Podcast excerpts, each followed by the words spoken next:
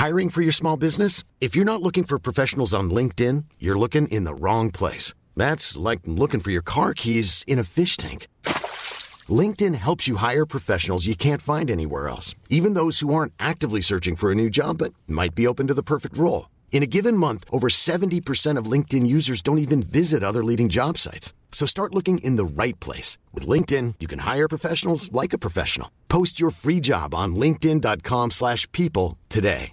Hey, it's Ryan Reynolds, and I'm here with Keith, co-star of my upcoming film, If, only in theaters May 17th. Do you want to tell people the big news? All right, I'll do it. Sign up now and you'll get unlimited for $15 a month in six months of Paramount Plus Essential Plan on us. Mintmobile.com slash switch. Upfront payment of $45 equivalent to $15 per month. Unlimited over 40 gigabytes per month. Face lower speeds. Videos at 480p. Active Mint customers by 531.24 get six months of Paramount Plus Essential Plan. Auto renews after six months. Offer ends May 31st, 2024. Separate Paramount Plus registration required. Terms and conditions apply if rated PG.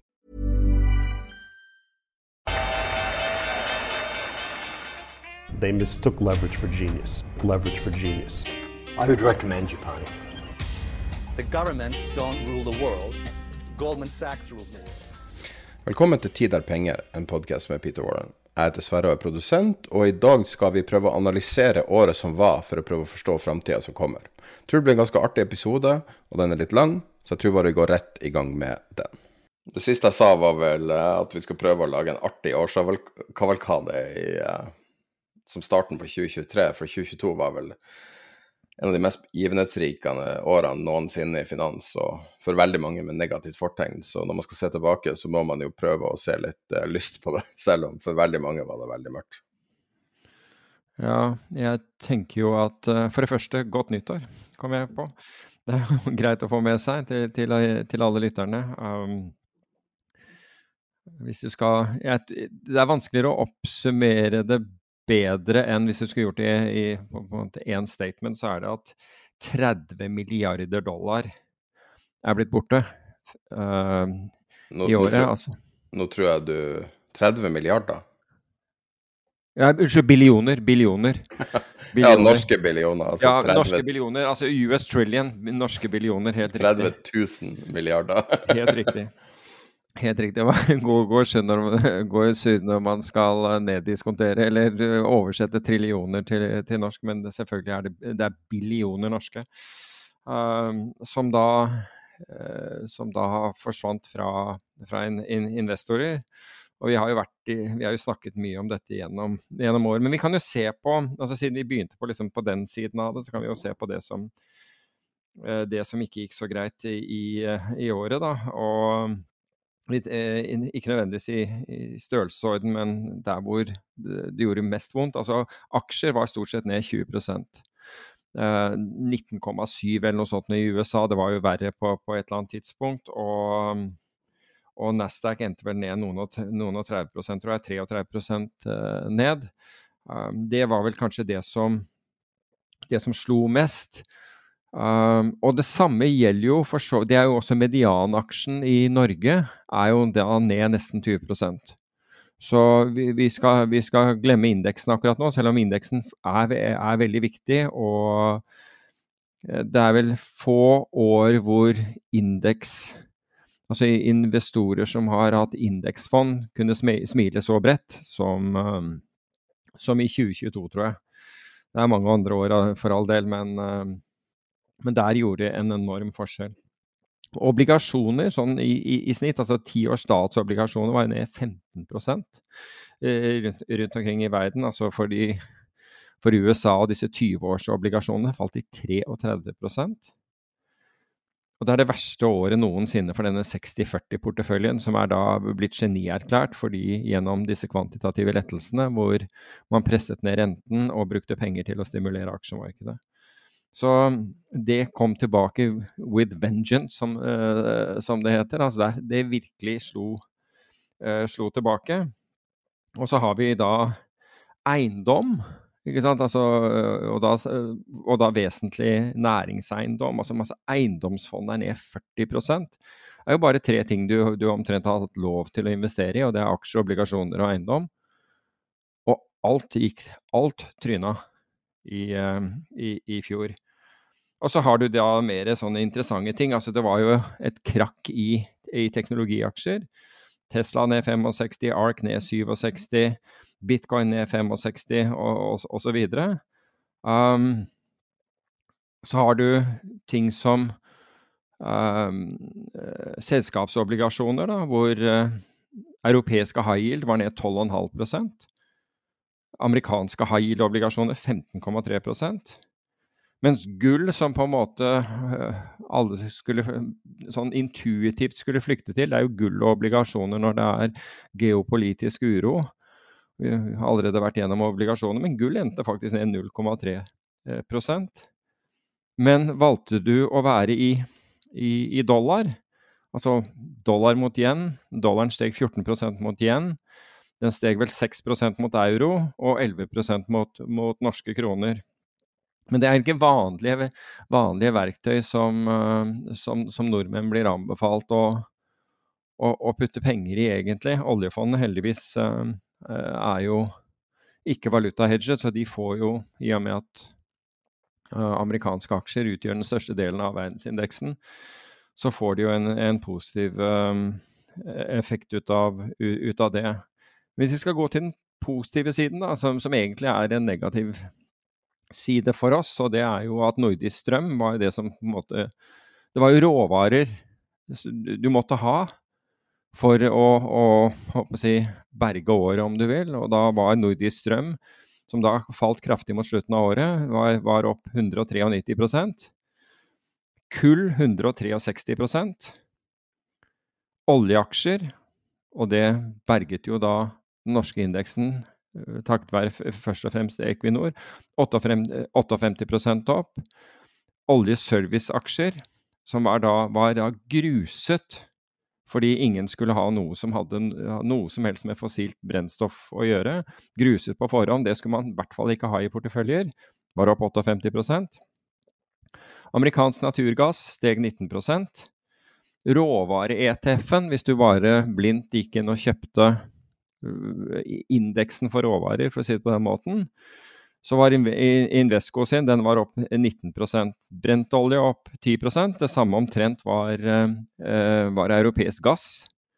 Tro det eller ei. Altså det, det, falt jo så, det falt jo til nivåer som vi ikke har sett eh, siden før krigen i Ukraina, mot slutten av året.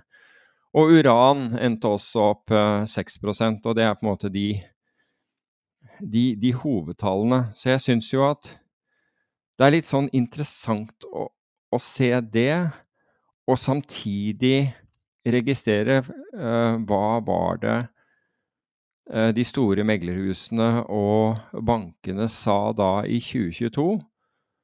Og den, så vidt jeg vet, den eneste som hadde rett på, på retningen, men tok helt feil av, av, hvor mye det skulle falle, var vel Morgan Stanley. Alle de andre hadde megabommer.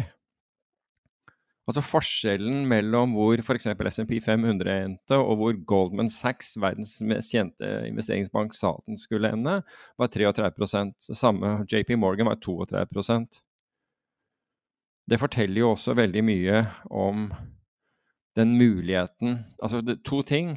Det ene er kan man Er, er det mulig å, å, å å forutsi fremtiden, burde man i det hele tatt forsøke å, å, gjøre det? Det er det ene, for det, er verdt å stille spørsmålstegn ved. Og det andre er insentivene disse har til å på en måte holde deg i markedet hele tiden, for det er det de tjener penger på. Så de vil jo da veldig sjelden komme med en anbefaling som vil få deg f.eks. til å flytte pengene dine til, til bankkontoen din. Dessverre. Sånn er det bare. Men det er vel liksom de, de, store trekkene, og så kan vi ta de mindre trekkene etter hvert. Ja, for det er jo sånn du husker det nå, ikke sant. Ja. Og det er jo, som du vet, så Ja, dette var jo tallene, så det er jo ikke så mye som hvordan jeg husker det. Dette, jo, dette er jo liksom tallene ved slutten av, av året, og året, hele, eh, altså året i sin helhet. Altså 2022 i sin helhet. Ja, og, og du, vi hadde jo en litt sånn forberedelse på denne episoden, da, og du tok noen notater, og det var enkelte punkter du tok fram og så, inspirert av det, så hvis jeg høres groggy ut nå, så er det fordi jeg var våken til halv fem på natta og gikk gjennom alle notatene vi tok i fjor. Eh, ble litt sånn eh, revet med. Eh, for å se litt på hvordan ting så ut i øyeblikket. Vi, og nå kan vi se tilbake på øyeblikket, hvordan det ser ut i et historisk perspektiv. Så det jeg tenkte, var at vi kunne på en måte prøve å se litt på hvordan det var i øyeblikket i slutten av 2021, og så hver måned fram til desember. Uh, og så kan du si hva du, hva du, tenker om det du hører, og hvordan du ser på det i et litt større perspektiv. Ok. Jeg tror det er ganske mye å lære, fordi at det er mye som er litt sånn avslørende i de her uh, notatene. Ja, ja, altså jeg tenker jo at liksom det hoved, hovedsaken er jo og, og det, det, går igjen, i hvert fall når jeg, når jeg kikket litt på, på, året og tenkte på året som jeg gjorde nå i, i romjulen, så var det jo hvordan ting blir avslørt når, når det kommer et fall. Når, når ting snur, så blir, så blir, det, så blir utrolig mange, bl.a. svindler, avdekket. Dette har vi snakket om tidligere, og vi snakket om det gjennom året, men, men mengden av dem var jo helt utrolig. Tyrannos, Greensill, FTX ikke sant? Det bare haglet jo på med forskjellige ting som, ting som ble avslørt. Ikke bare de, det blir avslørt, men dårlig rådgivning som, som rett og slett er en rådgivning som er en funksjon av hva som skjedde året før, eh, er jo også en sånn man gidder ikke å anstrenge seg, vi bare sier det samme et år til. Det blir, plutselig blir det avslørt når i hvert fall når de hovedkomponentene, aksjer, obligasjoner og eiendom, faller i verdi. Skal vi se på først hvor vi satt eh, når vi Altså, vi hadde jo en episode rundt nyttårsaften i fjor. Da vi så på 2022. Hva er det å vente? Altså, først og fremst så vil jeg jo si at, at det, det, var jo Og det gjaldt jo meg også. Det, det, det der å klare å riste av seg når du har hatt over ti år med oppgang som følge av pengetrykking, det å, det å på en måte riste det av seg og si at her kommer det noe nytt, fordi det vil jo si at her kommer det ubehag, og det har vi veldig liten lyst på. Altså Hvis du tenker menneskesinnet, vi har veldig liten lyst til å gå inn i noe som er ubehagelig, og det er mye mer behagelig å tenke på det som har vært det, eh, fordi det, Rett og slett fordi det har vært behagelig. Så det er lettere for oss å lukke øynene. Og så er det i mange eh, tilfeller mer populært at vi gjør det. Altså vi bare sier det som de andre sier. Uh, vi, vil ikke, vi, vil ikke, rokke båten. Um, fordi da, da, stikker du deg ikke ut. Og tar du feil da, så har du tatt feil sammen med alle andre. Og det er jo ganske ubehagelig å og, og tenke tanken på at nå går ikke lenger. Og hvis du ser til USA, så USA bikket jo umiddelbart, men eh, Norge, altså Oslo Børs, hadde jo gikk jo til, til nye topper etter det, mens, mens resten av verden eh, satte kursen sydover. Og det er klart at det er Det gjør jo også at du, at du blir en at, at, du får en sånn dissonans i hodet. Hva er det som skjer her? Altså, og det som skjedde, var jo selvfølgelig at, at oljepris osv. begynte å, å, bevege seg. Men det er ganske vanskelig å Jeg vet ikke hvem det var som sa det, men det var nylig. Jeg husker ikke om jeg refererte det i, i podkast Jeg lurer på om det var Nicolai Tangen ja, faktisk, som, som sa det der at liksom det er Altså, du står ganske alene når du er kont kontrær.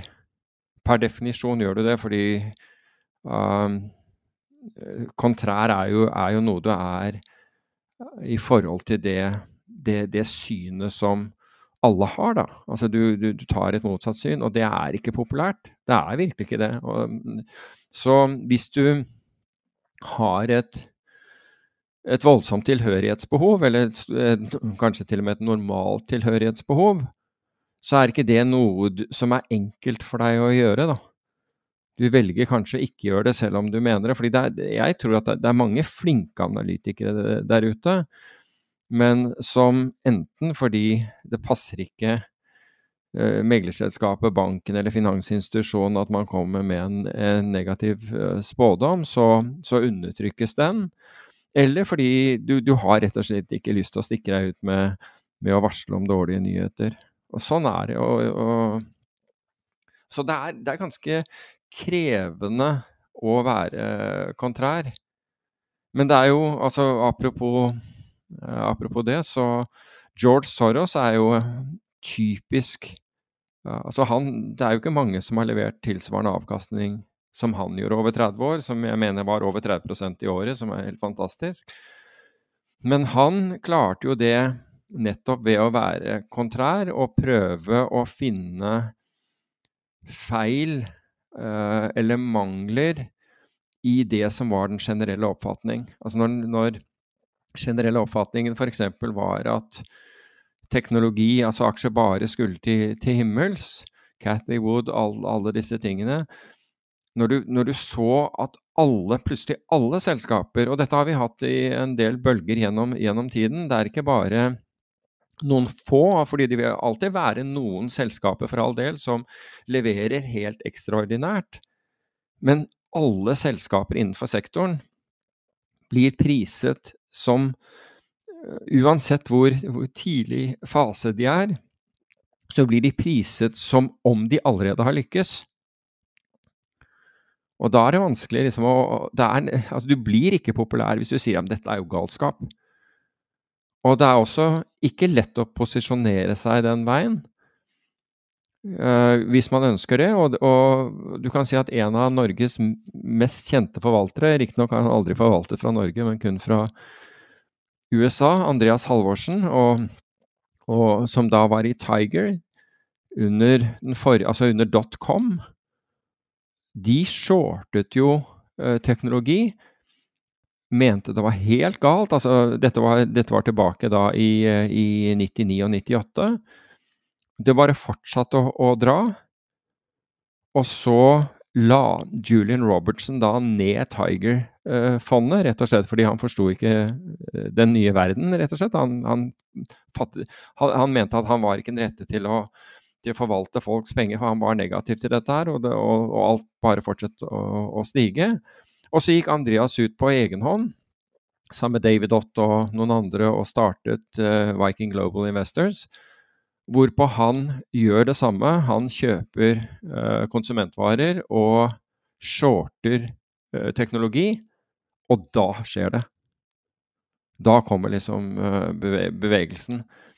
Men de hadde som selskap, altså i Tiger, lidd, altså blødd kraftig Um, mens den galskapen Fordi dette er menneskelig syke som du, som du slåss mot.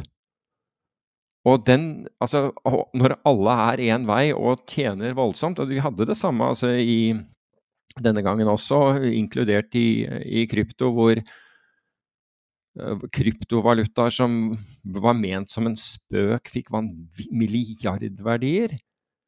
Og folk fortsatte å kjøpe det. Så og det er klart at det, du, hvis du er den partypooperen som sier at liksom, nå, nei, nå er festen over, så skal du ha sterk ryggrad. Og som du nevner, George Soros er jo blitt en tilnærma demonfigur for enkelte. Som for mhm. meg er helt uforståelig, med tanke på alt han har gjort. Men jeg vil tro at uh, kampen mot Bank of England er delaktig i hvorfor akkurat han er blitt targeta så hardt. Ja, men jeg tror altså generelt så vil du jo være upopulær med alle finansinstitusjoner. Ja, men jeg mener noe i Han er en demonfigur i amerikansk høyrevendt media, f.eks. Oh, ja, okay, altså, han, det... han fremstilles som djevelen. At han står bak alt som er galt. Ok, jeg var ikke klar over at han liksom hadde fått en, en så kraftig en, jeg, Du, jeg fant jeg for øvrig um, her, her fant jeg et sitat fra han som sier My approach works not by making valid predictions, for han tror ikke at han klarer å forutse verden, but by allowing me to correct false ones. Med andre ord at, jeg, at han tar da uh, stilling til uh, andres uh, prognoser som han mener at ikke, ikke er korrekte. Og når han ser folk følge dem, så tar han da posisjoner uh, mot, mot, det. Og det er der han har, har, tjent pengene sine. Skal vi gå til januar? Det kan vi gjøre. Starten på 2022. En del ting som var ganske store ting som skjedde da, som kanskje mange har glemt. I Norge så var det den uh, eh, NBT-saken uh, som en av den første av flere skandaler knytta til Arctic Securities i fjor. Um, Om det ene avslørte, ja. Mm. Ja. Dagens Næringsliv har hatt en uh, føljetong gjennom store deler av året som handler om den saken. Det har vært en Hvis du ikke kjenner til saken, så anbefaler jeg å få et DN-abonnement, gå tilbake og begynne å lese begynnelsen. For det er en helt utrolig historie som er veldig avslørende så mange ting, og kjente ikke så godt til den. Og veldig artig å se at de kan gå i dybden på den måten. Det, jeg håper de vinner mange premier for den artikkelføljetongen. Det er virkelig det er en på sitt aller beste, og vært utrolig bra. Men konklusjonen, men konklusjonen av bare for å ta det, var, var jo da at til tross for at uh, Finanstilsynet uh, fant da grove brudd gjort av meglerselskapet, så avfeiet uh, Arctic hele saken med, med å si at Finanstilsynet hadde tolket loven feil. så, så, ingenting har skjedd. Nei, det, er, det er utrolig. Yes, da skal vi videre. Evergrande, husker du det? Det som ja, mange var veldig redd i januar, det var jo den kinesiske, kinesiske eiendomsselskapet. Det. Ja.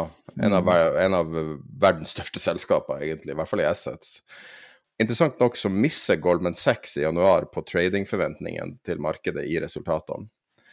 Eh, I samme måned så advarer Goldman Sachs-sjefen om det han sier inflasjon overalt. Deres bank forventer da ti rentehopp på rad. Jeg mener, jeg mener å huske at det var 25 på rad, men Markedet forventer seks i øyeblikket. Og på det i januar så opplever man den største innflyten av nye penger i aksjer noensinne. Ja, fordi, og, og, poenget der det var jo at det var eh, BTFD, ikke sant, by the effing dip, så, som gjaldt. Så det var jo det eh, alle gjorde, altså hver gang det kom en, en, en nedgang. Men du hadde jo fortsatt også uh, Powell som insisterte på transitory på, på det tidspunktet. Altså at inflasjon det var ikke noe problem, det var bare forbigående. Så sånn skulle det være. Hva du syns om at uh, Goldman missa akkurat da? Er ikke det interessant? Jo, men, men altså, hvis du går og ser på prognosene til veldig mange altså de Altså, narrativene de, de, legger til grunn, er jo veldig bra, men de bommer jo de, de, de, bommer jo så ofte at det, at det, er helt gærent. Altså, det er vanskelig å forutsi eh, fremtiden. Og det er jo så vanskelig å forutsi fremtiden at nesten ingen klarer å gjøre det. Og noen klarer å gjøre det innimellom. Altså husk eh, Husker du Abby Joseph Cohn i Goldman Sachs, da, som Han som skrev boka? Nei. Nei, hun. Det er hun, Nei. faktisk. Hun som, uh, hun som uh, da uh, ble kreditert for å ha, ha forutsatt 87-krakket. Det var jo andre også som, som, var på banen der, men hun, altså Abby Joseph Cohn, blir, da til de grader hyllet. Hun er på talkshows, hun, hun er på alle konferanser. Og det er hennes eneste riktige prognose. Sånn som Whitney uh, Hva det heter? Uh, ja, uh, er det Tilleman eller noe sånt noe? Eller? Ja, jeg tror det. Men det er hun som Tillman, Tillman er det vel. det var jo hun som spådde Og det, jeg, jeg, skjønner fortsatt ikke hvorfor det. Hun spådde jo at Citibank skulle kutte i utbytte. Jeg skjønner fortsatt ikke hvorfor det er sånn legendarisk spådom, men Nei, ikke heller, men Men det er veldig, man må være forsiktig med å tro på det her. altså Veldig mange følger jo Michael Burry uh, etter at han uh, satte i gang The Big Short. Uh, jeg tror man skal være litt forsiktig med det der, fordi at det er ingen som har noe fasit og mal for fremtida.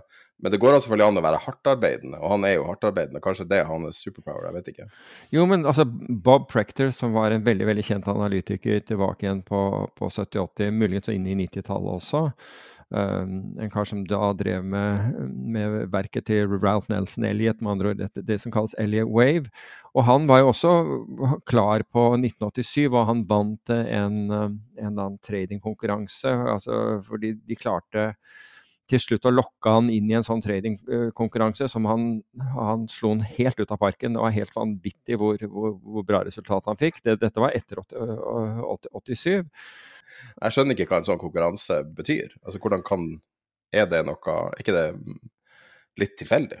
Nei, de, de, gjør mange altså de gjør mange bets altså, i løpet av, av den, den, konkurransen.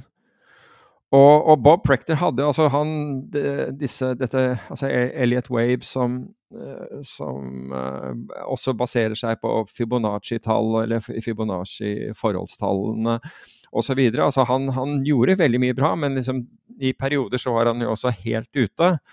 Um, og, men konklusjonen er jo at du må bygge robuste porteføljer. Det er jo konklusjonen, fordi det er ingen som Altså, vi, vi Altså, det er Altså, Joralf Erstad er jo ikke blant oss lenger, og Nostradamus heller ikke. Så det er begrenset Det er et svært begrenset eh, antall mennesker, og vi har sikkert ikke tilgang til dem, for å si det på den måten, som er i stand til å, å predikere med noen som helst nøyaktighet over tid. Men måten du, du da kan, øh, kan organisere dine investeringer på, er å bygge en robust portefølje. Men det ble da ikke lov, fordi Finanstilsynet grep jo inn uh, som, som, straff for at hedgefond uh, varslet både om boliglånskrisen i USA og den europeiske gjeldskrisen, så skulle, så skulle man ikke få lov å investere i disse lenger. Og, og, og dermed så er det jo begrenset eh, hvilke muligheter du har til å, til, å, til å, lage en ordentlig bred portefølje. Og den begrensningen har jo blitt til da velstående mennesker, fordi de eh, og, og, altså profesjonelle investorer de kan investere i, i slike fond, mens de aller fleste kan ikke det. Og de aller fleste da blir da sittende med aksjer, obligasjoner og eiendom. Og så ser du hva I fjoråret var et eksempel på hvordan det gikk. Så sier noen ja, men hva med de ti årene før der? Da gikk det jo kjempebra. Ja, det gjorde det, takket være takket være eh, pengeinnsprøytninger fra sentralbanken. Så det er egentlig en overføring av midler fra skattebetalerne til, eh, til eh, finansinvestorer som har screwed up the, whole system siden. Men det er ikke der vi skal være, men poenget mitt er at det er mye viktigere å bygge robuste porteføljer enn å høre på en enkelt prognose om at hva som helst skal, skal hvor som helst. Altså det, er, det, er, greit å ta den i, Du kan ta den i betraktning, og du kan sikkert ta en posisjon på det, men over tid så, den, den, så trenger du en robust portefølje. For hvis du tar feil på dette her, så er det er ikke noe vits i å tape store beløp på, på, på, på enkeltinvesteringer. Januar 20, nei, februar 2022 så var du eh, akkurat kommet tilbake fra Miami. Så vidt jeg husker, jeg tror det er akkurat eh, teoretisk sett. Ja, det stemmer nok, det. Og um, det var mye historier du hadde blitt fortalt der, og det var, det var, mye teknologi og mye optimisme fortsatt. En av de historiene som du gjenfortalte, var da at Goldman Sachs sier at de tror at verdensrommet er et nytt forretningsområde pga. Elon Musk. Mm. Uh, igjen tilbake til ARK. ARK er jo et fond som uh, titulerer seg sjøl som analytikere, og ofte omtaler ting de sjøl har investert i uh, med veldig aggressive prognoser. Og en av de tingene de har uh, tilsynelatende posisjon i, er bitcoin, og Cathy Wood spår bitcoin til 1 million dollar. I det øyeblikket står bitcoin da i 43 000 dollar. Um, I februar så la Kina om. De var de første som jeg vet som uh, begynte å snakke om energisikkerhet, så det var vel noe de så der. Så offisiell prioritering i Kina endra seg fra at miljø var det viktigste. Det var jo i påvente av OL som skulle komme, så hadde de jo fokusert mye på miljø. Og nå sa de at de gjorde ei omlegging til energisikkerhet som nummer én prioritet for landet. Eh, Rabobank, den nederlandske banken, uh, hadde en eh, analyse vi så vidt nevnte i episoden, som sier at de tror at markedet undervurderer dramatisk risiko for krig. Det var litt tidlig i februar. Kan jeg, kan jeg, bare knytte en kommentar til det? fordi Jeg gikk også tilbake og så en del uh, av, uh, av, analyser som var gitt den der tiden. Da, da begynte jo ryktene å gå om om uh, russiske tropper og militærmateriell på grensen til Ukraina osv. Og, så og så etterretningsrapporter kom. Og det er interessant å se sånn geopolitisk, for franskmennene og tyskerne ville jo ikke tro på dette overhodet. Mens Storbritannia, eh, USA og, get it, Norge var ganske klare på på, på, på, etterretningsnivå klare på hva som var i ferd med å skje. Altså, man, men man håpet jo ved å gå ut eh, med den kunnskapen at det kunne virke som en Hva heter deterrent på norsk? Altså en brems på, uh, på, på Russland i forhold til, å, uh, i forhold til å, å, gjøre det. Men når jeg ser på en rekke finansanalyser, eller finansanalytikere som snakket om dette her, så, så uten uten noen innvending Altså alle var da nei, dette skjer ikke. Altså, det, dette er folk som driver med finansanalyse. De driver ikke med sikkerhetspolitisk analyse eller geopolitisk analyse. De driver med finansanalyse og uttaler seg skråsikkert om, at, om, om, om da en mulighet eh, for, for, krig, altså en mulighet for russisk invasjon. altså Skråsikkert på den måten at det kommer ikke til å skje. Jeg trodde ikke det skulle skje. Nei, men, men, men deri har du Det er jo greit at du, at du, ikke tror, men en helt annen ting er å skrive analyser og sende til kunder på et fagfelt som du har null peiling på. Det er, det er forskjell der, altså. Det er en stor forskjell. Altså, hva, hva med finansanalyse tror du gir deg kompetansen og innsikten til å vurdere den geopolitiske og sikkerhetspolitiske situasjonen som er som da akkurat da uh, er på grensen til Ukraina. Og svaret på det er at du har jo ikke peiling whatsoever. Du er bare geni i ditt eget hode, og derfor så driver du og uttaler deg om dette. Som podcaster så, så tror jeg at uh, Eller podkastprodusent, så tror jeg at jeg definitivt har sagt at jeg tror aldri det her kommer til å skje. Men jeg kan si argumentasjonen min før det. Det var ikke det at jeg kan noe om politikk, og geopolitikk. Det var bare det at det jeg sa, var hvis du planlegger å invadere, hvorfor i alle dager uh, forteller du det mange måneder i forveien og gir dem til for, uh, tid til å forberede seg? Det var mitt argument. Så jeg mente at det var så dårlig gjennomført, det kan jo umulig være ekte. Det var, sak, saken er i dag Det var min argument. Med, den, med, den, med, de sensorene og den teknologien vi har, så, er, så vil det være umulig å flytte uh, disse troppene til, til, til grensen i, i en en så stor angrepsposisjon som de gjorde, uten at det ble oppdaget. Ja. Det ville ikke la seg gjøre å, å, å, å forflytte det, rett og slett. Vi kommer tilbake til Ukraina. Ja. Uh, vi kommer ikke til å ha så mye om Ukraina. Noen av de hendelsene diskuterer vi. Uh, det var volumrekord i puttopsjoner i februar. Uh, det var flere ganger det var rekorder i at folk vedda på nedturer, både på indekser og på enkeltaksjer. Det hadde jo også da begynt i, i det amerikanske markedet, i hvert fall. Ja, jeg snakker om det amerikanske markedet. Mm.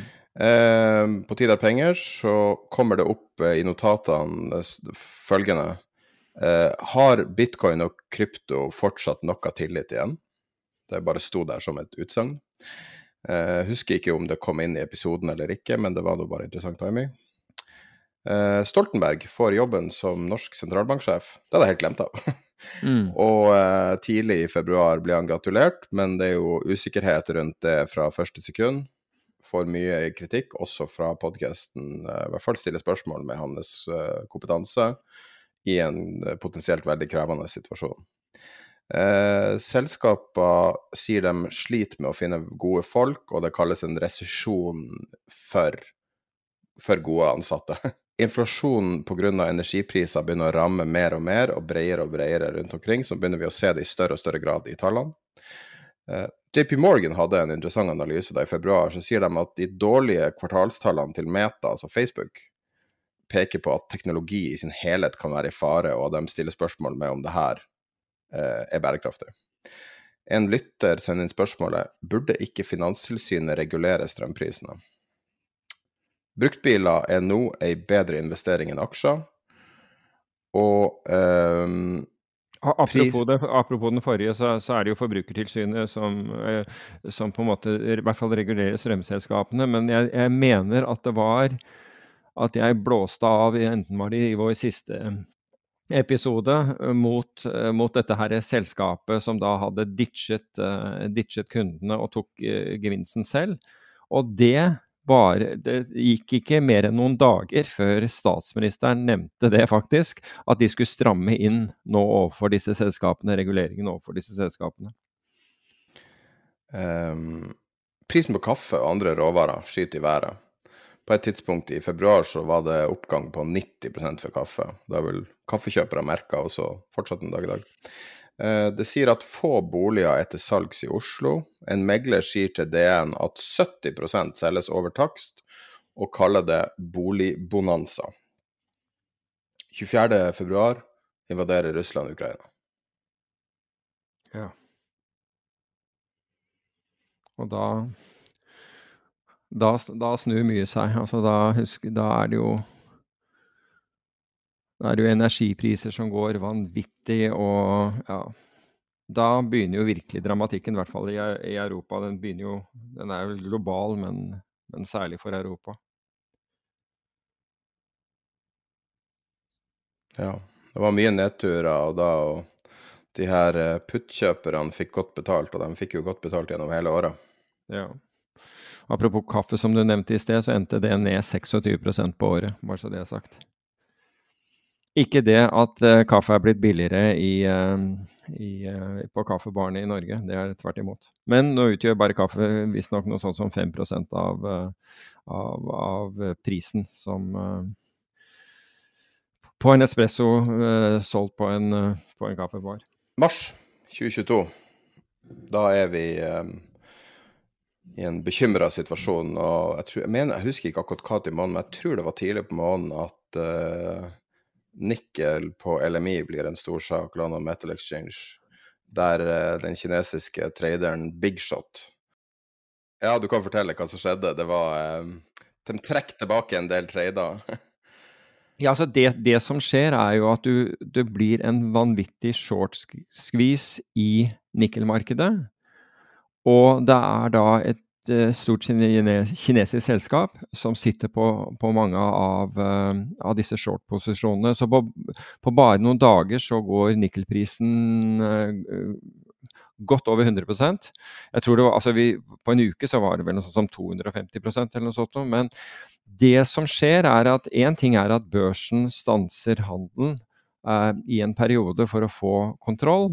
Altså pro Problematikken her er jo at du, du får en voldsom uh, margin squeeze. Altså disse som er short, får da krav om innbetaling av marginer. Og så viser det seg at det kravet blir så høyt at clearingmedlemmene, altså hvis de folter, altså hvis de ikke kan komme opp med pengene, hvilket det, dette kinesiske selskapet sier at de ikke kan, og også andre, så går det utover, altså så går det utover medlemmene, altså clearingmedlemmene på, på børsen. Og man mener da at det ikke fins nok penger hos clearingmedlemmene, så det vil slå mange, mange konkurs. Og isteden Isteden så velger da børsen å cappe prisen og annullere alle handler over en viss pris. Og her har du mange som da både uh, tok gevinst, f.eks. solgte nikkel og kjøpte andre, uh, andre, ting imot. og Det var liksom mange sånne ting som, uh, som ble gjort. Altså helt legitime handler som ble gjort.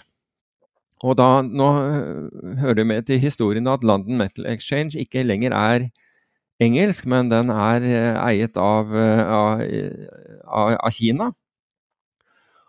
Og, og, slutten på dette her var rett og slett at man annullerte handlene for å redde eh, noen av disse aktørene. Og de er nå Og det siste er altså Jeg vet ikke hvordan det går med det, men de er i hvert fall saksøkt av minst to. Elliot eh, Management, annet. Eh, Hedgefond er sikkert flere. Uh, Jane Street, som av, av, av alle ting um, Bankman Freed uh, jobbet for i sin tid. Jeg tror Cliff Esnes kanskje har gjort det også. Ja, eh, ja, det mener jeg også. Jeg mener også at han var i hvert fall ekstremt verbal. Og, men, men, summa summarum så har, har tilliten til London Metal Exchange blitt varig svekket, tror jeg. Det er mange som nå, eh, mange mange aktører som ikke bruker den børsen, men som heller bruker da amerikanske uh, Comex, som er, som er et av Chicago Mercantile nå, um, Exchange, i stedet for eh, Land Metal Exchange. Selv om de, altså Land Metal Exchange har jo en del metaller som da, som da den amerikanske børsen ikke har. Men eh, det, det er jo egentlig en, en, en voldsom skandale. altså hvordan det Én ting er å stanse handelen, og prøve å få ro på det. Og det har, det har vært gjort, det gjøres jo i aksjemarkeder også, at du stanser handelen en, en, periode. Men å bare si at nei, vi annullerer handlene, det, um, det, er, det, er, problematisk, for å si det på den måten. Og vi vet ikke utfallet der, men, um, men det vi vet er at det er en, uh, en hva er det, pending, hva heter det for noe? Altså en, en kommende, uh, kommende rettssak. Inflasjon rammer overalt i mars. Da er det soleklart at det her er et enormt problem. Russland selger olje fortsatt i ganske stor skala, men de må rapportere så mye som 28 dollar. Det ventes eh, færre rentehopp for 2022 som en direkte konsekvens av invasjonen av Ukraina. Hveteprisene går til himmels når folk blir klar over at uh, Ukraina og, uh, i stor grad, og for så vidt Russland også, står bak uh, veldig mye av maten som kommer til Afrika. Ti, altså to ti grafen, altså forskjellen på toårige og tiårige statsobligasjonsrenter, er i ferd med å invitere, ligger akkurat på grensa til å invertere. Det er en sånn klassisk resesjonssymbol. der Når den inverterer, så er det som regel betyr resesjon, eller nedgangstid. QE tar offisielt slutt. Pengetrykkinga er over, pengepressa legges ned, og man begynner å se fram til at man skal begynne å brenne pengene. Eh, jeg glemte selvfølgelig å notere den nøyaktige datoen, men det var et veldig spesifikt tidspunkt. EU-aksjer eh, e bare to måneder etter man har den største inflowen til aksjer i hele verden, så har EU, altså aksjer i Europa, den største outflowen. Altså folk trekker tilbake penger ut av Europa pga. fallet. Eh, penger til oligarker, russiske rikinger, fryses over hele verden. Yachter eh, legges beslag i. Det begynner å snakkes om russisk default, og så begynner det å snakkes om det har noe signifikans om de eh, eh misligholder gjeld eller ikke. Det gjelder vel eh, dollarnominert gjeld, tror jeg. Jeg er ikke helt sikker på om det her er toppen, men jeg så i notatene at Brent-futuren treffer 139 dollar. Ikke så langt jeg tror nok det, jeg tror det er, er, toppen også når det gjaldt uh, det, det, blir vel også bunnen for, uh, for russisk valuta. Fordi uh, da tok jo sentralbanken over, og man fikk jo ikke lov å, å, å selge Altså de nektet Til å begynne med så, begynte, så forsøkte jo altså dette var jo etter, etter, Da er jo krigen gått i gang, og man forsøker da å, å, å redde sine verdier i Altså ikke-russiske selskaper, vestlige selskaper, forsøker å redde sine verdier i Russland ved å få solgt dem, men så får de ikke lov til å, å, å ta valutaen ut. Så der hvor man Så, så presset på rubelen eh, slutter, og sentralbanken også intervenerer, så jeg mener at rubelen ender opp året i forhold til dollar ja, til, til, slutt. Det er en ganske interessant sak som, eh, som skjer der. Men du husker sikkert det at vestlige land, altså McDonald's og alle, begynte jo bare å, å, å selge, og massevis av selskaper begynte å, å selge eiendeler og nedlegge selskaper osv. Men det var jo Altså, du kan jo si at russerne Det var vel for så vidt et, et smart trekk, eh, det de gjorde der. Samtidig som oljen topper, så topper Oslo Børs seg, og Oslo Børs står ut som på indeksnivå en uh, total outlier i hele verden. Nå er det jo her omtrent 100 pga. Equinor. Um, Kina sier de støtter Ukraina. Det var jo litt uklart hvordan side de skulle velge. De har vel strengt tatt ikke valgt ei ordentlig side enda, men de, de, sier det da offentlig. Eh, Belgia gjenåpna atomkraftverk som de hadde tenkt, eller, eller planlegger å ikke stenge ned, var vel teknisk sett det som skjedde.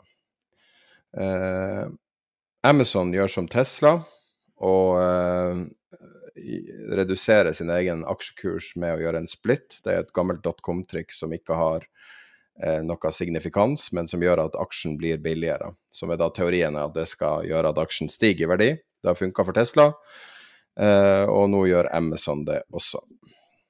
Kunstgjødsel stiger veldig kraftig, og folk er bekymra for matsikkerhet. Første gangen i året begynner ord som matsikkerhet å dukke opp i seriøs uh, tilstand. Statnett kom med en uttalelse og sier at utenlandskablene av strøm skal øke prisen med maks 10% Ja. Det Trenger man å kommentere det engang? Nei. Nei, jeg, jeg føler ikke det. Ja, ja, hvis du trigger meg der sånn, så kommer vi til å være på det, det emnet der i lang tid, så la oss ikke gjøre det. Hva du syns om sånne triks som Amazon og Tesla gjør med å splitte aksjen? Ja, Det er jo et velkjent triks. da, så altså I den grad folk hopper på det, så må, altså det, er jo, det, er jo, det er jo åpent og greit. Hvis folk vil gå, gå på den eller ikke, så må du jo gjerne gjøre det. Ja. Du kan jo forklare hva det er. Det er ikke sikkert folk vet hva det er. Nei, det er jo, det er jo rett og slett uh, å gjøre aksjen uh, altså tilsynelatende Altså, det, det, betyr jo ingenting for selskapet altså, og selskapets økonomi i det hele tatt. Det bare fordeles, altså Selskapet bare fordeles på, på flere aksjer. Så hvis du hvis du har en 1-4 eh, altså 4-1-splitt eller, eller, noe sånt nå, så, så, eller 1-4, så, så, får du fire aksjer for, for, hver, eh, for hver, aksje du, du, hadde. Men mange ganger så Rett og slett fordi Og det er rent psykologisk, da. Så, altså hvis du tenker at kursen var 100, og så plutselig blir den 25, så til tross for at det er nå Eh, fire ganger så mange aksjer i selskap, så syns folk å 25, det kan jeg kjøpe på. Det var jo definitivt en legitim strategi før i tida. For ja. da, da, måtte du ha, altså kjøpe en aksje i, uh, i et selskap som koster 1000 dollar. Du må komme opp med 10 000 kroner. Mm. Men nå har du jo fractional shares, sånn at hvem bryr seg? Du kan kjøpe sikkert en aksje for ei krone hvis du vil.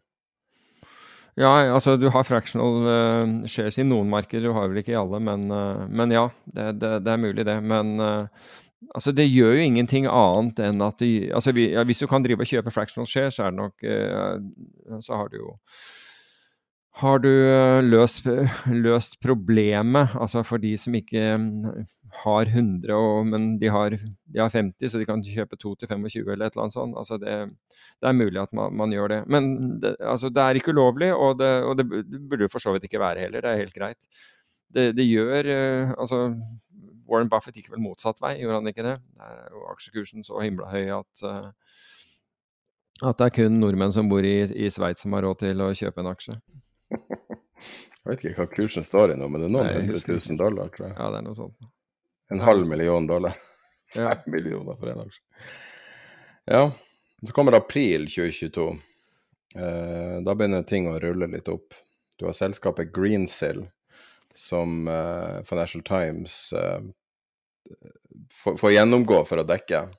Og de bruker mye skitne triks for å prøve å for å prøve å ta Financial Times, og det er kanskje ikke en så god idé sånn i ettertid. Tyske... I, forhold til, i, i, forhold til Wirecard så, så, så, var det jo milde, men, men poenget var at Greensill var et selskap da, som var stiftet for å øh, Hva heter det der? Factoring.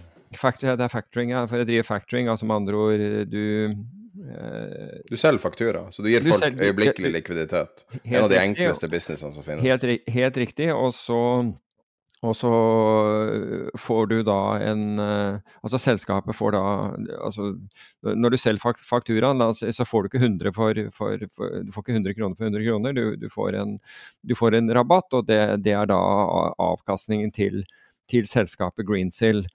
Og Greensill er da, eh, så har da sånn suksess å gjøre dette her at de får nesten låne ubegrensede eh, mengder med, kapital fra Credit Suisse, som setter opp fond for å gjøre dette her. Og så viser det seg at hele greia er en scam.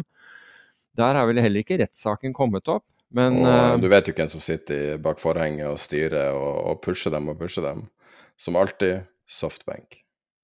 Ja, ja det stemmer det. Softbank var, var jo involvert. men Eh, men jeg vet at eh, der har jo eh, investorer som da kjøpte seg inn i disse, i disse fondene til Credit Suisse, de har da saksøkt Credit Suisse for å ikke ha gjort due diligence på, på, på, på selskapet. Men så vidt jeg vet, altså Lex Greensill går jo løs fortsatt, tror jeg. Ja, nei, helt garantert. Du, ja. Men jeg, jeg, tror nok, i likhet med mange andre som har livnæra seg som enten svindlere eller ultraspekulanter, så er det bare et tidsspørsmål nå. Mm. Tidevannet har for alvor gått ut og avslørt, avslørt, dem. Og en annen person som ble avslørt, så jeg i sanntid uten å skjønne hva jeg så på. Jeg husker det veldig godt. Vi var på hytta. Det var i påsken, eller hva det var. Så husker jeg at eh, vi snakka i lag, og så sa jeg at jeg hadde sett en sånn rar bevegelse i markedet. Det var helt sånn eksplosiv mye blinking på skjermen min. Og da var det CBS blant annet, som bare en aksje som jeg aldri har sett på noensinne før. Og ettertid så, så vi dekka jo det på en måte i sanntid. Jeg tror jeg skrev en blogg Mm. om det, og kanskje Twitter-melding, et eller annet sånt, eller chatten eller noe sånt. Og så, så ble det til liksom en føljetong over noen tre-fire dager. Og da viste det seg da at det her var det fondet ingen noen gang har hørt om før, som heter Archegos. Som var, Som var egentlig egentlig bare et family office, ja. ja, som hadde posisjoner som i ettertid var så store at Altså, de, de gjorde i praksis det som tilsvarer CFD-trader for titalls milliarder dollar. Ja, De belånte posisjonene sine i en rekke av verdens største investeringsbanker. Uh, alle de kjente uh, var med. Uh, og så begynte dette her å gå gærent, og så forlangte da disse investeringsbankene å få eh, inn mer penger på konto for å, for å dekke risken, altså en ren margin call. Og så til slutt så kunne ikke Bill Wang, som, eh, som da er mannen som eier dette, eh, dette Family Officet, de kunne ikke komme opp med penger. Og så, ble, så satt investeringsbankene, eller så inviterte han til et møte, for det var jo krise nå fordi, for de kursene på, på aksjene som de hadde, de hadde kjøpt, var i, var i nærmere fritt fall. Så de inviterte møte med bankene. Alle bankene kom på møte, og Goldman Sachs og, fort, og lovet at ingen skulle da selge, de skulle liksom forsøke å, å holde dette i ro. Goldman Sachs forlot møtet og begynte å selge tvert. Så Det var helt likt med long term, hva de gjorde med long term capital management. Så, dette gikk da, så de sendte jo da kursen ned. Så jeg tror Goldman kom ut bortimot uskadet. Uh, mens de andre led da ganske store tap, og så vidt jeg vet var det Credit Suisse igjen Ja. som, som led eh, mange milliarder i, i dollar i tap. Jeg tror Nomura tapte litt. Grann. No, ja, det, var- det var vel Nomura og, og Credit Suisse som, ha, som kom dårligst ut der. Morgan Stanley tapte også noe, men, eh, men eh, all the usual suspects eh, var med på dette. I uh, april 2020 så inverterte 210-spreaden, som betyr at uh, det er dyrere å låne penger kort enn langt. Uh, det er norsk high yield-fond begrenser innløsning. Jeg mener husk at det var ett fond som gjorde det. Og DNB. Det var DNB sitt, faktisk. Altså, de, eh, de, eh, altså, de gikk jo i organiserte former, men de, kunne, de, de fikk da store innløsninger. Og begrenset det da slik at de gjorde dette her over dager eller uker eller et eller annet sånt, men, eh, men, men fikk det da gjort, da, bare så det er sagt. Musk blir den største aksjonæren i Twitter, ut av det blå. Det viser seg at han har kanskje holdt på siden i januar, men det er en annen sak. Eh, fraktprisene eh, faller. Eh, så den estimatet fra januar begynner allerede å vise seg som kanskje feil. 60-40-portefølje er som, som fenomenet ned for første gang på to år. Strømprisene begynner å gå til himmels, og det er spesielt ille i Frankrike, der det enkelte dager er, toucher det opp på den absolutte toppen som er mulig, i hvert fall på det tidspunktet. Og det har jo med at uh, kjernekraftverkene er uh, De driver vedlikehold på flere av kjernekraftverkene sine. Uh, Benko, nei, JP Morgan-sjefen Jamie Diamond sender ut et brev til kundene sine, og der han advarer om hva som kommer. Det publiserte vi på en eller annen format. Obligasjonskorreksjonen, som vi kalte det da, er den største på 25 år. Konkurser begynner å ramme Silicon Valley. Vi ser de aller første tingene begynne å gå under, de aller verste tingene begynner å gå under uh, da. Investeringsbankene tjener mer på trading nå, så den trenden fra januar med Golden 6 har reversert totalt, og de gjør det bra. NFT som konsept, non-fungible token, begynner å miste betydelig troverdighet, og jeg mener at uh, en av de ledende indikatorene på det var uh, den første tweeten til Jack Dorsey som ble solgt for mange millioner, blir da prisa til nesten null. Jordan Belfort, den kjente svindleren, selger et kryptokurs som blir omtalt i New York Times, New York Times eller Wall Street Journal. Og eh, på bildene der så dukker det opp en kjent nordmann med litt sånn eh, Ja, du kan google hans historikk. Og den, eh, Det koster vel én bitcoin å være med på det seminaret. Litt uklart nøyaktig hva du får ut av det, men det er jo da en, en dømt svindler som holder det kurset. Altså Inngangsbilletten koster én bitcoin på det tidspunktet. Én bitcoin 40 000 dollar. Kina låser for første gang ned pga. covid eh, i den store skalaen vi har sett i hele 2022. Uran, som vi har snakka litt om, det har vært mye diskutert, veldig mange som er interessert i uran, begynner å stige kraftig, og spesielt da via de ETF-ene. Eh, vi kan gå til mai, da. Vi, eh, vi hadde flash crash på Oslo Børs. Fat finger. Vi... Ja. Det var jo egentlig en flash crash som kom som, som Opprinnelsen var vel i Stockholm, tror jeg, men fordi er disse elektroniske marketmakerne er da marketmakere som, som, da er i Stockholm, er i Norge, er i Oslo, er i Finland osv. på eh, så, så, får det, så, så får det en, en, virkning for, for, Oslo også. Ingen skjønner helt hva, hva, som har skjedd, og kursene faller. og Jeg husker jeg var på det tidspunktet var, var jeg, jeg, ute med hunden når en journalist ringer. og, og men vi begynner, å, vi begynner, å, kikke på saken, og ganske kjapt så skjønner vi hva, hva dette her er. At det er en, at det er en fatfinger, altså noen som har da solgt eh, vesentlig flere aksjer enn eh, det man hadde tenkt å gjøre. og det er jo gjerne noe som kun institusjoner kan finne på å gjøre, eller kan gjøre fordi de har så store kredittrammer eh, på, på, børsene, og ganske riktig. Og vi sporet dette her ganske kjapt. altså Jeg, jeg husker ikke hvor lang tid vi brukte, var det 25 minutter eller noe sånt, og så sporet vi det til, til Citibank London. City London, og, og, det var ganske riktig en fatfinger, en som da hadde lagt inn en altfor altfor stor eh, salgsordre, og sendte da børsene ned. Børsene stengte jo midlertidig pga. dette her, og det ble jo, ble til og med til og med ja, det ble en mediestory i Norge, og Dagsrevyen var på det hele, hele saken.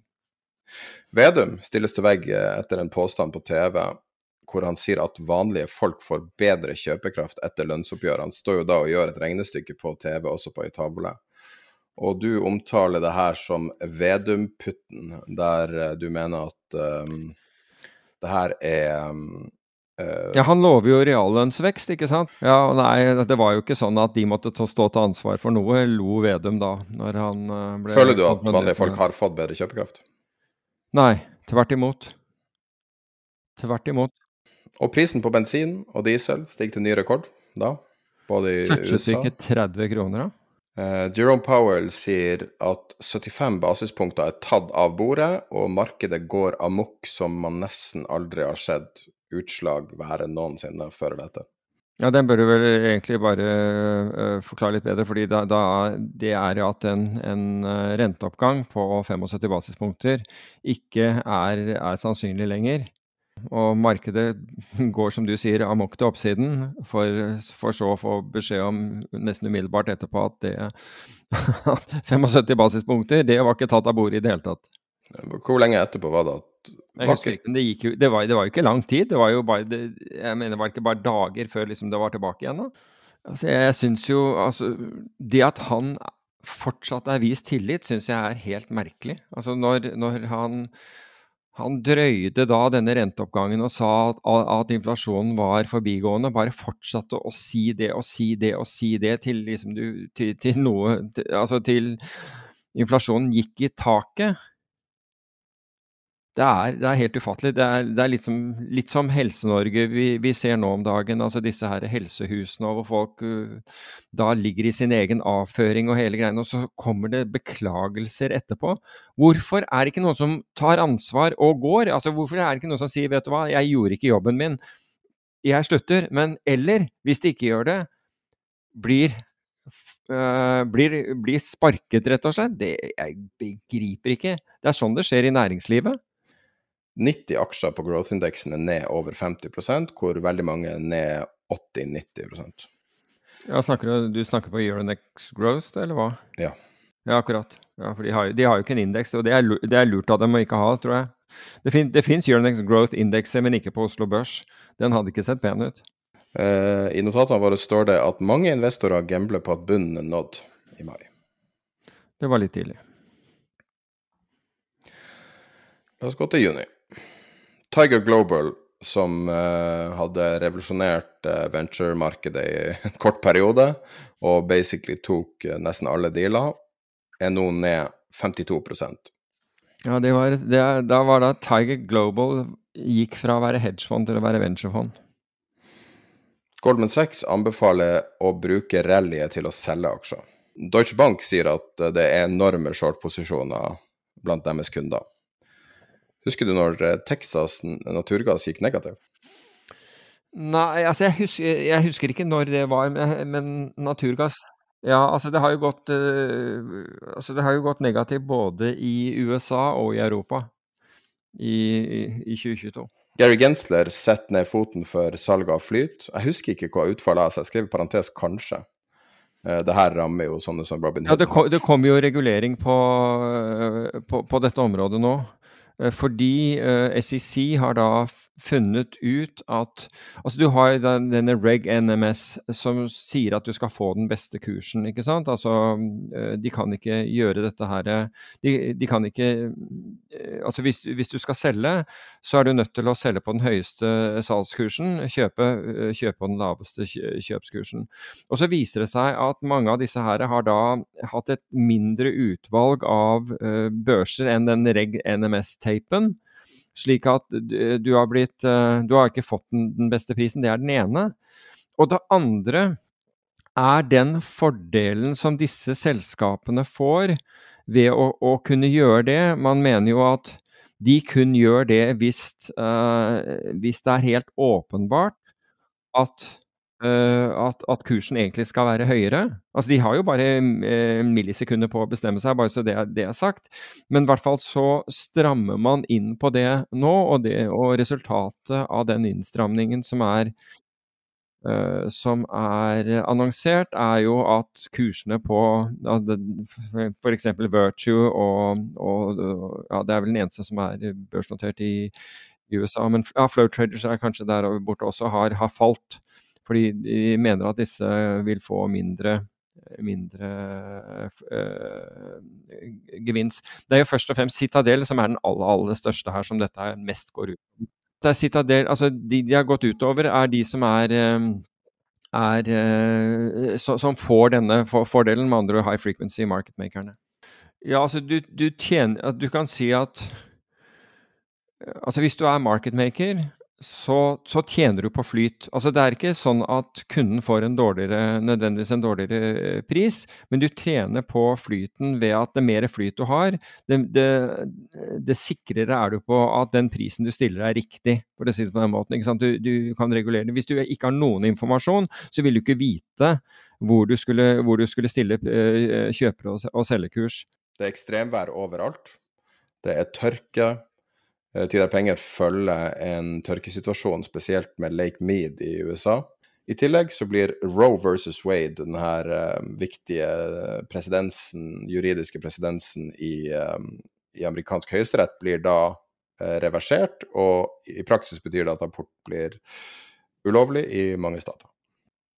Var, var det der republikanerne tapte? Ja, det er mulig at, at det, er, ja, det er vel flere andre ting Jeg, jeg vet faktisk ikke om det er eh, det, men ja, de er jo De har blitt svekket siden det, men om det var eh, om det var den tingen som på en måte veltet, det vet jeg ikke. Men eh, det var ikke det. Altså obligasjoner Altså tenkte jeg de, de som kjøpte den den der 100 års østerrikske obligasjonen. Altså Vi syns jo, vi, vi, omtalte den når den ble lagt ut pga. den lave, utrolig lave renten som man fikk for å låse penger i, i 100 år. Og det var, jo, var jo pensjonskasser som var de store kjøperne for at de skulle da sikre seg positiv rente. Dette skjedde jo mens mange av verdens obligasjoner hadde negativ rente. Og så får du da en renteoppgang, og så faller 90% av verdien på den, den øh, obligasjonen, eller 90, altså kurs, kursen faller 90% Så, men, men. Altså, du må sitte i 100 år for å få tilbake pengene dine. Da får du håpe at medisinsk forskning uh, tar seg opp litt. Altså. Heldigvis kan du trade den her, da. Det kan du. Det kan du, men altså, du, du, kan jo kjøpe den her nede for, for 10 cent, da. Ja, det kan jo være en god investering. Det kan hende. Det kan hende. Altså, 10 cents on the dollar, det er ganske billig. Ja, eller on the euro i dette tilfellet. Godt poeng. Um, da la oss gå til juli 2022.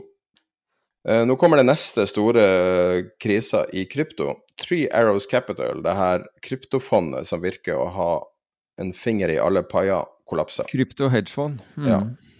Men de, de, de gikk vel nedenom og hjem pga. dette med stablecoins, gjorde de ikke det?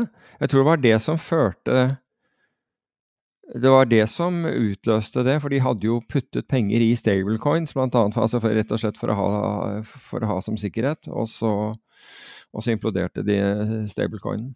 Hveteprisene, som har steget veldig mye og gjorde veldig mange bekymra, begynner å falle tilbake. Og det samme gjør crackspreaden, som er da forskjellen på eh, prisen på olje og prisen på de her produktene olje blir til. Mm. Eh, Raffinerte produktene. ja. Raffineriprisene, med andre ord. man kaller det 321 crackspreaden. Ja. Raffinerimarginene. 140 000 bitcoin er på vei inn marked, i markedet fra Mount Gox. Det inkluderer jo også det her er da bitcoiner som har vært lost siden eh, ja, hva er det, 2011? Jeg husker ikke. Da Ja, hvor folk trodde at, de, at det der var lost, men så, så viste det seg at det ikke var det, og så kom 140 000 av dem. Ble da tilbake til, ble tilbakebetalt til de som, til eierne, holdt jeg på å si. Og Jim Cramer sier at han tror bunnivået fra juni vil holde, og venter opptur. Jeg kunne hatt eh, Jim Cramer med hver måned. Ja. G7-landene blir enige om å begrense russisk oljepris. Ukraina begynner å slå tilbake, skriver vi. Ja, det, ja det, altså Ukraina gjør jo virkelig det. altså Hvis du har sett på de områdene som de har tatt tilbake igjen, så er det helt enormt. Det er helt enormt hva de har tatt tilbake. Og de tok jo tilbake disse områdene på, på noen uker som, eh, som russerne da hadde, hadde, hadde brukt åtte måneder på eh, å erobre. Så det er jo virkelig noe å, å, eh, å legge merke til, det, det som skjer der. Fondet EQT greier å hente 24 milliarder i, til et nytt fond. Kan jeg bare ta en, en digresjon, eller en, en faktaopplysning der? Ik ikke som gjelder EQT, men på slutten av året så, så jeg på disse private equity-selskapene, og vet du hvor mye de har nedskrevet porteføljene sine med i gjennomsnitt? 3% 3 Så nå gjelder Ja, Da vet du, da går det an å shorte den. Det vil jeg gjerne. Den shorten Ja, vil det finnes, gjerne sette. det, det finnes en eller annen indeks, men jeg vet ikke om du kan shorte den. Men det er, det er et poeng. Du, det, det er et godt poeng. Ja, ja. ja. Vi skriver at sjokkerende mye olje har gått ut fra de strategiske oljereservene i påvente av eh, mellomvalget. Og det fortsatte, ja. Det, men det fikk effekt. Og ja. ja. Fraktpriser omtrent tilbake til normalen nå.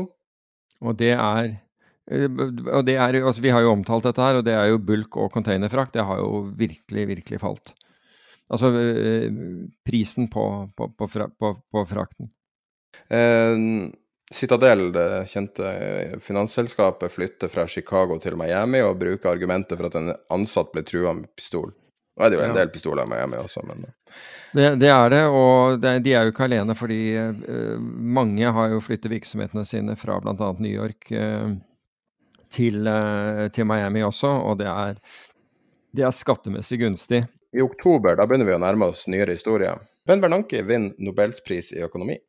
Altså det, er researchjobben rundt eh, alle kollapsene. Så, Ja, så jeg- nettopp. Det, Ja, hvor, hvor, han, hvor han er, er, er skyld i den ene. Jeg syns det er fint. Ja, det er rørende. Det er rett og slett rørende. Det var ikke, det var ikke et tørt øye i salen.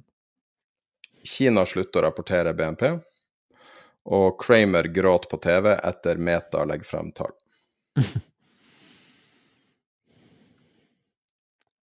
Ikke et tørt øye i salen, som sagt.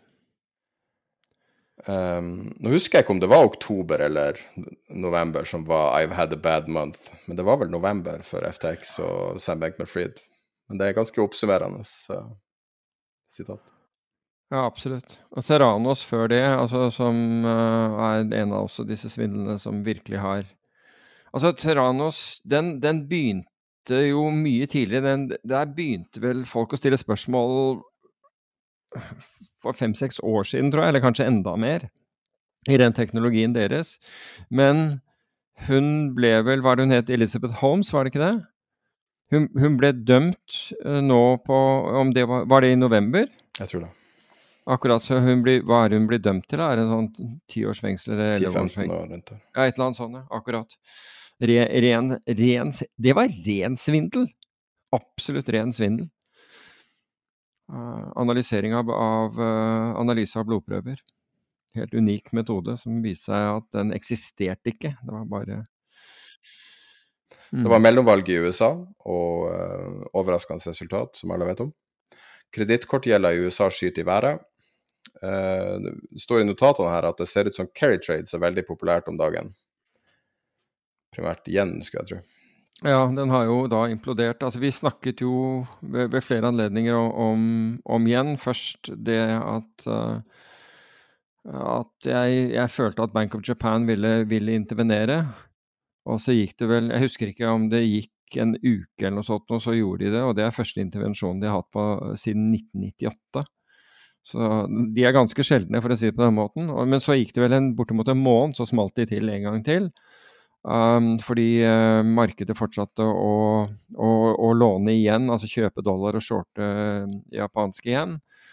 Og da når de kom inn andre gangen, så, så, så vi jo også at det hadde en effekt på nesten alle finansmarkedene. fordi det, samtidig som igjen steg i verdi, altså med andre ord det kostet mer og det begynte å koste deg mye penger å, å kjøpe tilbake uh, shorten din, og det, og det, du trodde var en billig rente, viser seg å bli veldig dyr.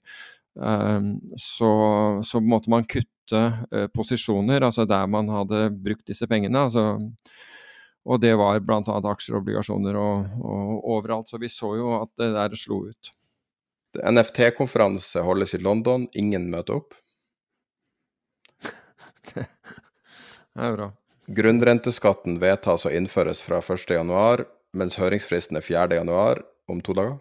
Arctic Securities får uh, kritikk for uh, en annen sak uh, av EFTA. Ja, det, var, det, det, var emisjon, det, var, praksis rundt disse emisjonene. Men hva var det med de fondene, var ikke det også Arctic? Jo, det er jo disse her eiendoms... altså det er vel en eller annen form for innretning med, med høy, høy belåning, bl.a. storbrannbygget ute på, på Lysaker, hvor investorene er drittforbanna for de må nå stille opp med mye mer egenkapital. For dette her var jo Altså, de er jo laget alle med kortsiktige lån. fordi da, da, får man jo honorarer når man rullerer disse lånene. Det, men, det, men, med den renteoppgangen så betyr det jo at man må, må låne til vesentlig høyere rente. Så dermed så, så går jo dette her eh, ordentlig mot, eh, mot investorene.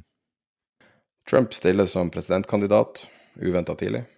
Det er tynne markeder ut året, du snakka om det lenge. Det er mye tekniske ting som leder oss inn i jula. Det var en relativt spennende jul i finans. Uh, uvanlig mye som skjedde i det som vanligvis er en søvnig periode. Så vidt jeg vet, uh, hvordan gikk det med nyttårsrakettene? De funka vel ikke så godt? Jeg gjorde det? Nei, det vet jeg ikke. fordi altså, det er vel uh, kanskje jeg, jeg, vet ikke når de setter endelig sånn sluttkurs for, for det. Jeg bare så Dagens Næringsliv nevne igjen et uh, stort meglerhus, og der var, uh, der var det én av dem som hadde gått opp, alt annet hadde gått ned. Men uh, det har jo gått Siden Oslo Børs er oppe i dag, så kan det jo hende at det har bedret seg, for alt jeg vet. Nå, nå skal jo gjerne folk ut òg, da, av, av, disse. For nyttår så legges Trumps skattetall ut, med mye detaljer rundt det. Og det var 2022. Ja. Jeg så De hadde en oppstilling i DN for øvrig om eh, beste og dårligste aksjefond. Så jeg tok og, og, så litt på det og regnet på det. Og jeg fant ut at den som var best, altså den hadde jo da en, eh, en beta altså på 1,4, altså var 40% mer, mer volatil egentlig enn en børsen. Og når jeg da sjekket for Altså hvis du var villig til å ta den risken, og tok et aksjefond og belånte det 40 så tjente du mer. Da hadde du en høyere avkastning enn det fondet. Men enda, mer, enda viktigere i den, i, i den, saken var at som, det, det, fondet som kom på, eh, på, på sisteplass, den over de siste ti årene har levert en bedre avkastning enn, enn det, den som kom på førsteplass.